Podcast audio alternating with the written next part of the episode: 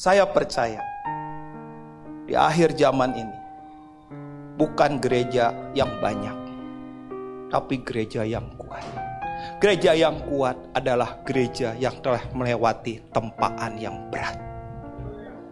Melewati musim-musim yang sulit, masa-masa didikan yang gak gampang. Seperti kuda tadi.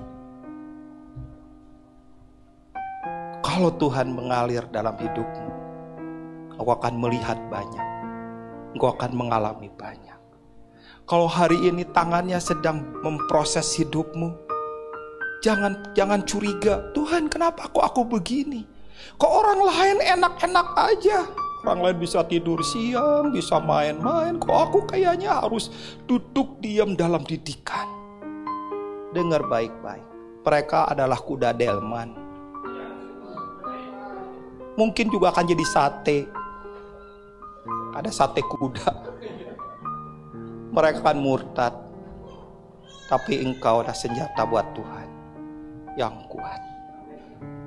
Didikannya, didikannya nggak gampang.